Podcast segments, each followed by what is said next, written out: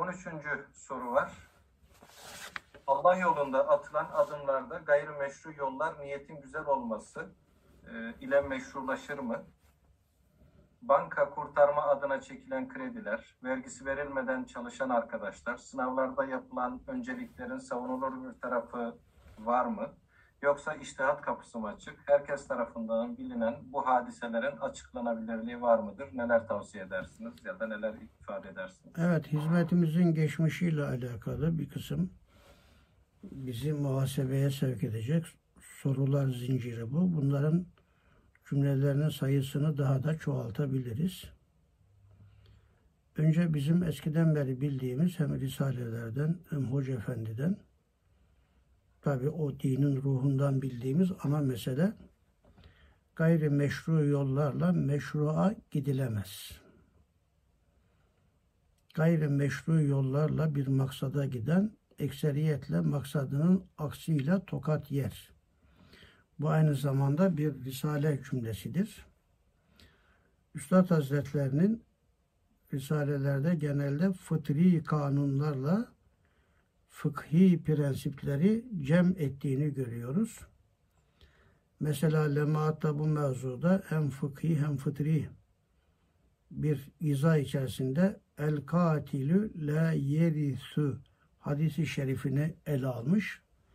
Katil miras alamaz demek. Ölüm hak, miras helal.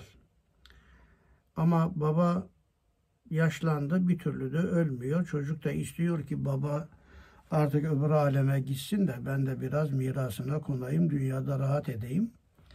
Baba da bir türlü ölmüyor. Babasını öldürse veya öldürse öyle bir çocuk babasının mirasından pay alamaz şer'i şerife göre, dine göre. Çünkü hedefine gayrimeşru yolla gitmiştir. Üstad bunu lemaatı anlatırken heyetinizin bilgileri var bu mevzuda. Bunu bir prensip haline getirmiş. Gayrimeşru yolla bir maksada giden galiben maksadının aksiyle tokat yer. Mesela Avrupa muhabbeti gibi demiş. Bizim Avrupa'ya olan muhabbetimiz de bazı yönleriyle gayri meşru muhabbet olduğundan çok defa maksadımızın aksiyle tokat yiyoruz ve onlar da bizi kapıda bekletiyorlar manasında kullanmış. Elbette dine hizmet ederken de bütün bu plan, planlar, temel prensipler geçerlidir.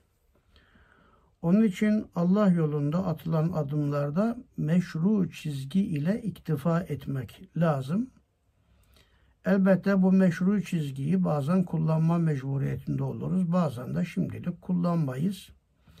Onda da tedricilik esastır ve bazı prensiplerimizi zamana bırakabiliriz, zamana serpiştirebiliriz.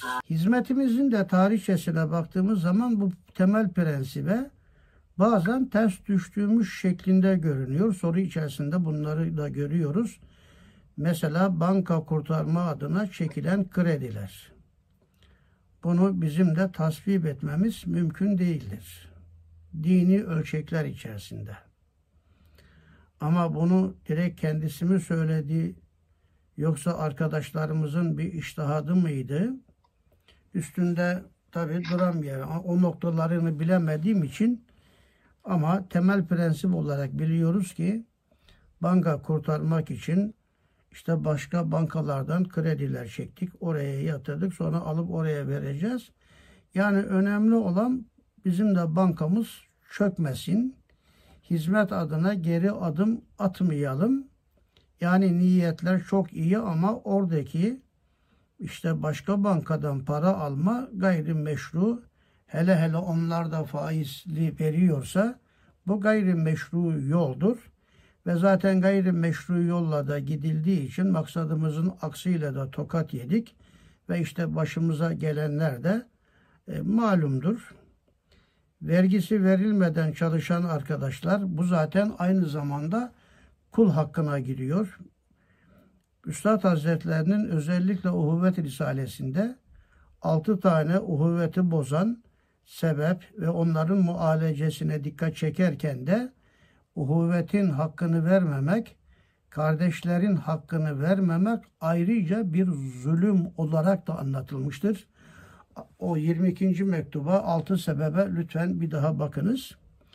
Zulüm de zulüm getirir. Biz bir kardeşimizin hakkını vermemekle ona zulmettiysek e biz de bir başka zalim tarafından da tokat yeriz ve bunun da kul haklarına çok fazla taalluk ettiğini de e, bilmek lazım. Fakir de bu mevzularda müesseselere dolaşırken ilk e, ele aldığım mevzu bu oluyordu. Yani buradaki çalışan arkadaşlarımızın hakkını veriyor, veriyor musunuz? Aşçıların maaşı ne kadar mesela? Bu piyasada çalışsa kaç para çalışır? Ha kendisi feragat eder başka. Siz 5000 ise hakkı 5000 verirsiniz. O isterse binini geriye verebilir. Ama biz hakkını vermek mecburiyetindeyiz. Hocamızdan da hep zaman içerisinde bunları böyle gördüğümüzü, böyle işittiğimizi de anlatarak hele sigortası da yapılmamışsa, sigortası yapılmadığı için hele böyle bir dönemde sağlık işleri de yürümüyorsa bunları hiçbir prensiple izah etme şansımız yok. Bunlar tamamen kul hakkına tecavüz ve gayrimeşru bir yoldur. Aramızda helallaşmadığımız sürece de herhalde böyle bir musibet ve belaların da def-ü ref'ine de pek ihtimal vermiyorum. Beşer tarihinde bela ve musibet kayıptan çıkmış, şehadete gelmiş. Az sonra kavmin başına tamamen gelecek, helak olacaklar. Artık o bela kayıptan çıkıp şehadete geldiği dönemde cemaat kavim ne yaparsa yapsın Allah o belayı gerisin geriye almamıştır. Bundan tek istisnai olan kavim Hazreti Yunus'un kavmidir. İlla kavme Yunus ifadesiyle de Cenab-ı Hak o surede bu hakikate dikkat çekmiştir. Ve bununla Cenab-ı Hak bize de demek istiyor ki eğer sizlerin de başına gelen, kayıptan çıkmış, şehadete gelmiş, başınıza geldi, gelecek. Öyle bir belanın gerisin geriye def-ü olmasını istiyorsanız kul haklarına dikkat edin demektir. Hz. Yunus Aleyhisselam'ın kavmi altı hususa riayet etti. Bunlardan birincisi tecdidi iman ettiler veya toptan iman ettiler. Yüz bin ve daha üstünde nüfusa sahip olan bir kavim toptan iman ettiler. 33 senede iki kişi ama Hz. Yunus çekip gidince bela da kayıptan çıkıp şehadete gelince toptan iman ettiler. Biz toptan bir tecdidi iman yapmalıyız. İkinci olarak kendi aralarında helallaştılar. Hatta adam ev yapmış komşusunun tarlasından bir kaya getirmiş evin temeline koymuş. Ya hakkını helal et ben senin taşını kullanayım. Yok kardeş ben helal etmiyorum taşı tekrar getir yerine koy dediyse evinin temelinden o taşı çıkartmış evi yıkmış yani taşı koymuş. Böylece ince bir helallaşma yapmışlar. Kul hakları kadar ince bir başka mesele olamaz. Sonra toptan tövbe istiğfar ettiler. Sonra e, bela ve musibet atmosferini terk ettiler. Terk etmeden önce bütün mallarını tasadduk ettiler. Sonra Allah'a münacatta bulundular. Bela ve musibet atmosferinin dışında. Hazreti Yunus da balığın karnına münacat ediyordu. Her iki kavmin ve Hazreti Yunus'un münacatları bir alemde buluşunca işte bu yedi tane şart Hazreti Yunus'un münacatı ile beraber yedi tane şartı gerçekleştiren Hazreti Yunus'un kavminin başına gelen gaybtan çıkmış şehadete gelmiş olan bela ve musibeti Cenab-ı Hak gerisin geriye aldı. Ben de hala bu çalışan insanların eğer hakkı verilmediyse acaba bundan mı başımıza bela ve musibet geldi diye düşünüyorum. Eğer bu mevzuda hala helallaşma imkanları varsa bunları yapmalı. Sınavlarda yapılan önceliklerin savunulur bir tarafı yok mu? Yok tabi. Ama bu sınavlarla alakalı hep iftiraydı bunlar. Yani bunlar işte çaldılar, cevap anahtarını çaldılar filan diye hatırlarsınız. Bundan birkaç ay önce de bu kadar baskı altında olan mahkemelerde bile böyle bir sonuç alınması olmamıştır diye mahkemeden beraat çıktı. Yani takipsizlik de çıktı. Demek ki böyle bir dönemde bile bu mahkemeler böyle karar verdilerse öyle sonuç alma filan olmamış demek ki. Eğer olduysa bu da affedilebilecek bir mesele değildir. Şurası muhakkaktır ki temel prensiplerimizi her zaman tatbik edemiyoruz. Çünkü bu temel prensiplerimizin tatbik edilebilmesi için önce fertlerin bunu çok iyi bilmesi lazım.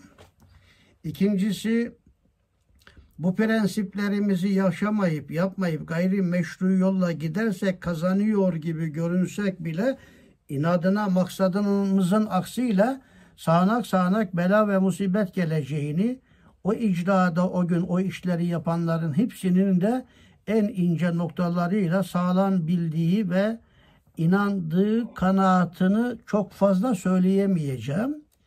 Ve üçüncü bir şey ki fertlerimizin tabi hepsi o cemiyetten gelmiş. Yani hepsi dört dörtlük değil. İllaki problemler var. O da şahıslardan kaynaklanıyor.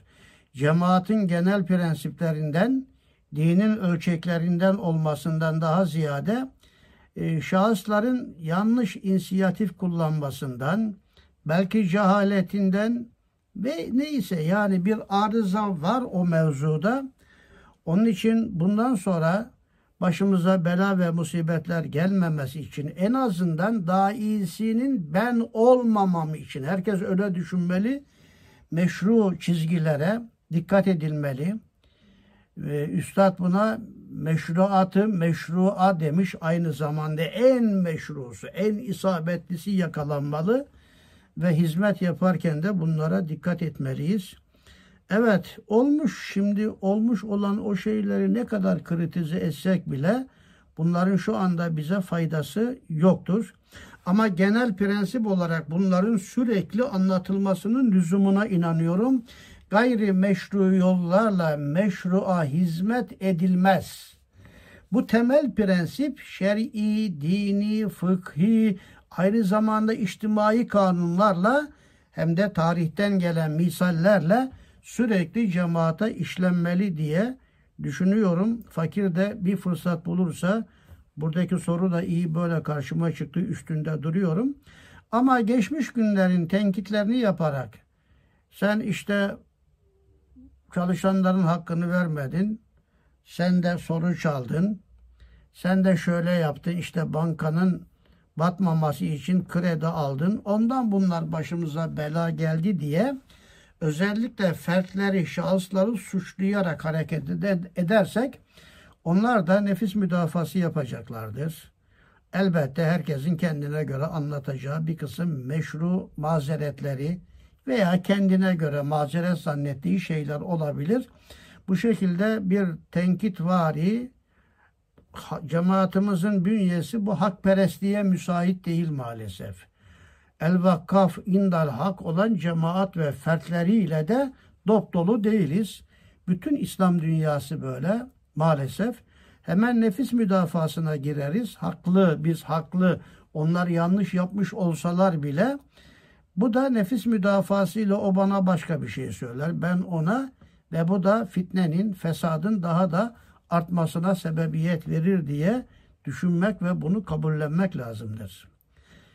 Hepimizin bildiği gibi Efendimiz Aleyhisselatü Vesselam Uhud dönüşünde bir hususa dikkat çekti. Uhud'da o okçular tepesine yerleştirdiği 40 tane insan sıkı tembih etti. Biz muzaffer de olsak, ganimet de toplasak, mağlup da olsak, kartallar bizim cenazemizi alsa, uçursa, götürseler, benden bir emir gelmedikten sonra bu mevziyi terk etmeyin. İnandığı, güvendiği oraya 40 tane insan koydu. Başını Abdullah İbni Cübeyr'i kumandan olarak tayin etti.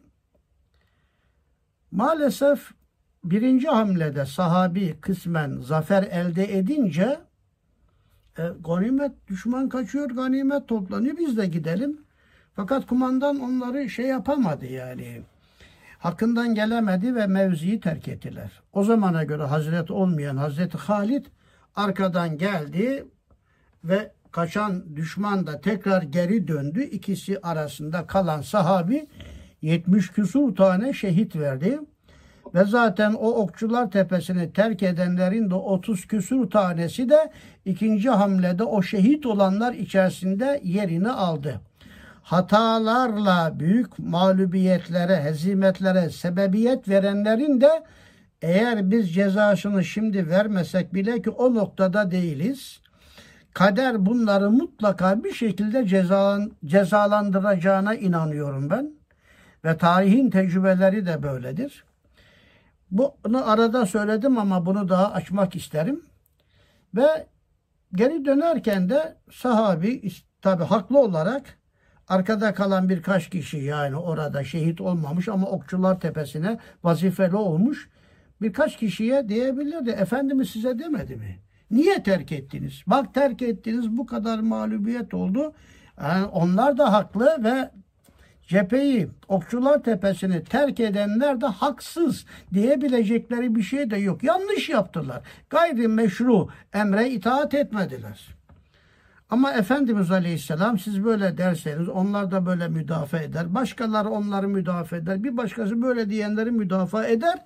Uhud'dan sonra sahabi arasında böyle bir hezimetin e, münakaşasıyla fitne ve fesat olur. Bu daha büyük hezimet olur. Onu fark ettiği için Efendimiz Aleyhisselam şöyle buyurdu. Bu cümle bugün bizler için de geçerlidir. Lev lev demeyin, lev lev diyen bir cemaat helak oldu buyurdu. Oldu, daha ileride olabilecek bir hadise. Arapçanın karakteristik özelliğidir. Bu geçmiş zaman kipiyle anlatılırsa kat'i öyle olacak demektir. Ben daha buradan çıkıp gitmemişim. Çıktım gittim diyorum. Yani mutlaka çıkacağım, mutlaka gideceğim demektir. Lev lev diyen bir cemaat helak oldu. Keşke keşke. Yani keşke siz şöyle yapmasaydınız, keşke böyle hata yapmasaydınız, keşke siz şöyle yaptınız, böyle oldu. O da hayır siz böyle yaptınız. Onlar helak oldu buyurdu. Ve sonra küçük cihattan büyük cihada dönüyoruz. Yani bu mevzudaki nefisle olan cihatlarımıza dönüyoruz. Meselesi üstünde Efendimiz Aleyhisselam durdu ve sahabe-i kiram da birbirlerini suçlamadılar. Olmuş olmuştur. Bundan sonra geleceğe bakmak lazım. Ölçülerimize bakmak lazım. Ölçülerimizi iyi bilmek lazım. Yani şu anda hizmetin içinde bulunan kaç insan ölçülerimizi bilerek hareket edebiliyor ki bunları sizler de görüyorsunuz, tecrübelisiniz ve bunu böyle ele almak lazım diye genel bir değerlendirme olarak da böyle değerlendirmek lazım diye düşünüyorum. Zaten hiçbir hatamız olmasaydı Allah bu kadar belayı, musibeti bizim başımıza vermezdi. Bu sebepler yönüyle. Ama hadiseleri hikmet yönüyle ele alacak olursak ki onlarca yönleriyle anlatabiliriz. Demek ki böyle olmasa bile bu adamlar başka iftiralarla da yok esrar taşıdınız, yok silah dediniz, atacaklardı bahçemize, evimize. Yine kafalarına koymuşlar böyle yapacaktı. Yapacaklardı. İlla bunlar bizim başımıza musibet bela olarak da hikmet açısından belki tasafiye ihtiyacı var. Belki münafıkların ortaya çıkması gibi bir önemli husus var. Bunları hocamız da farklı zamanlarda farklı yönüyle anlattığı için o hikmet yönlerini sizler de keşfedebilirsiniz, ifade edebilirsiniz. Evet, herkes tarafından bilinen bu hadiselerin açıklanabilirliği var mı? Sorunun sonu böyleydi. Evet, böyle açıklanabilirliği vardır. Zaten soru içerisinde aslında cevapları da var. Gayri meşru yollarla meşru'a gidilemez. Yani haram ve günah işleyerek cehenneme giden yollarla elbette cennete gidemez, gidilemez. Gadab-ı ilahiyeyi celbü cezbedebilecek isyanlarla Allah'ın rahmetine mazhar olunamaz. Meseleyi çok geniş yelpaze içerisinde ifade etmek de mümkündür. Yani sorunun durumuna göre üstünde kısaca durabildiğimi zannediyorum.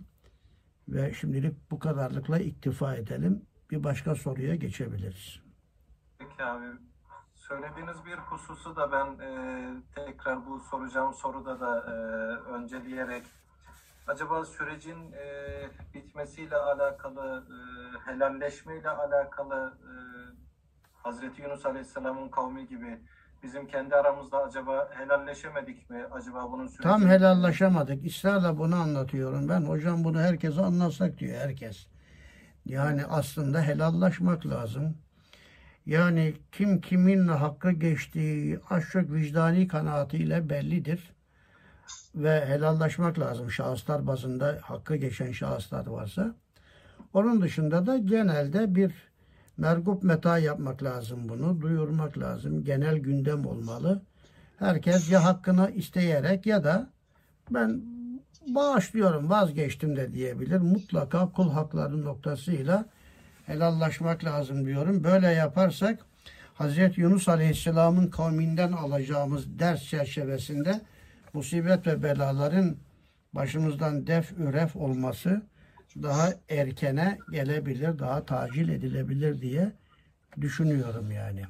Arada bir cümle söylemiştim, çok önemsiyorum. Eğer bu aksamaları halis niyetle yapmışsa Allah affedebilir. Ama kasten bu hataları yapan kimseler de kaderi ilahi açısından kendisini kurtaramayacaklar. Bir şekilde başlarına ya daha çok bela musibet gelecektir ya da öbür alemde hesapları daha çetin olacağına inanıyorum. İzmir'de tanıdığınız sizin de ısrarla ya bu televizyondaki reklamlarda banka reklamları var, açık kadın çıkıyor filan. Ya illa da para işte para. Niye böyle yapıyorsunuz deyince ya işte biz reklamları toptan alıyoruz. Onlar bir mazeret buluyordu yani. Ama işte öyle oldu tabii ki yani. Gayri meşru yollarla meşru'a hizmet edilemez. Cehennem amelleriyle cennete gidilemez. İnşallah helallaşırız. Benim sizlere hakkım varsa helal olsun. Hocam siz de helal edin. Helal olsun abi estağfurullah. Hakkımız yoktur zaten. Ha. E, Peki bunun sürecin uzamasına bir etkisi söz konusu olabilir mi abi? Kader açısından olabilir tabii yani. Efendimiz yasakladığına göre ve Hazreti Yunus'un kavmi de helallaşınca Allah o belaları çekip aldığına göre bunlar anlatılıyor Kur'an-ı Kerim'de. Herhalde dehil var ama biz zamanın ne zaman biteceğini bilmediğimizden biz bize düşenleri yapmalıyız. Helallaşmalıyız. Tecdidi iman yapmalıyız. Ondan sonra tövbe istiğfar etmeli canı gönülden ve aynı zamanda malımızı olabildiğince tasadduk etmeliyiz ve hakeza.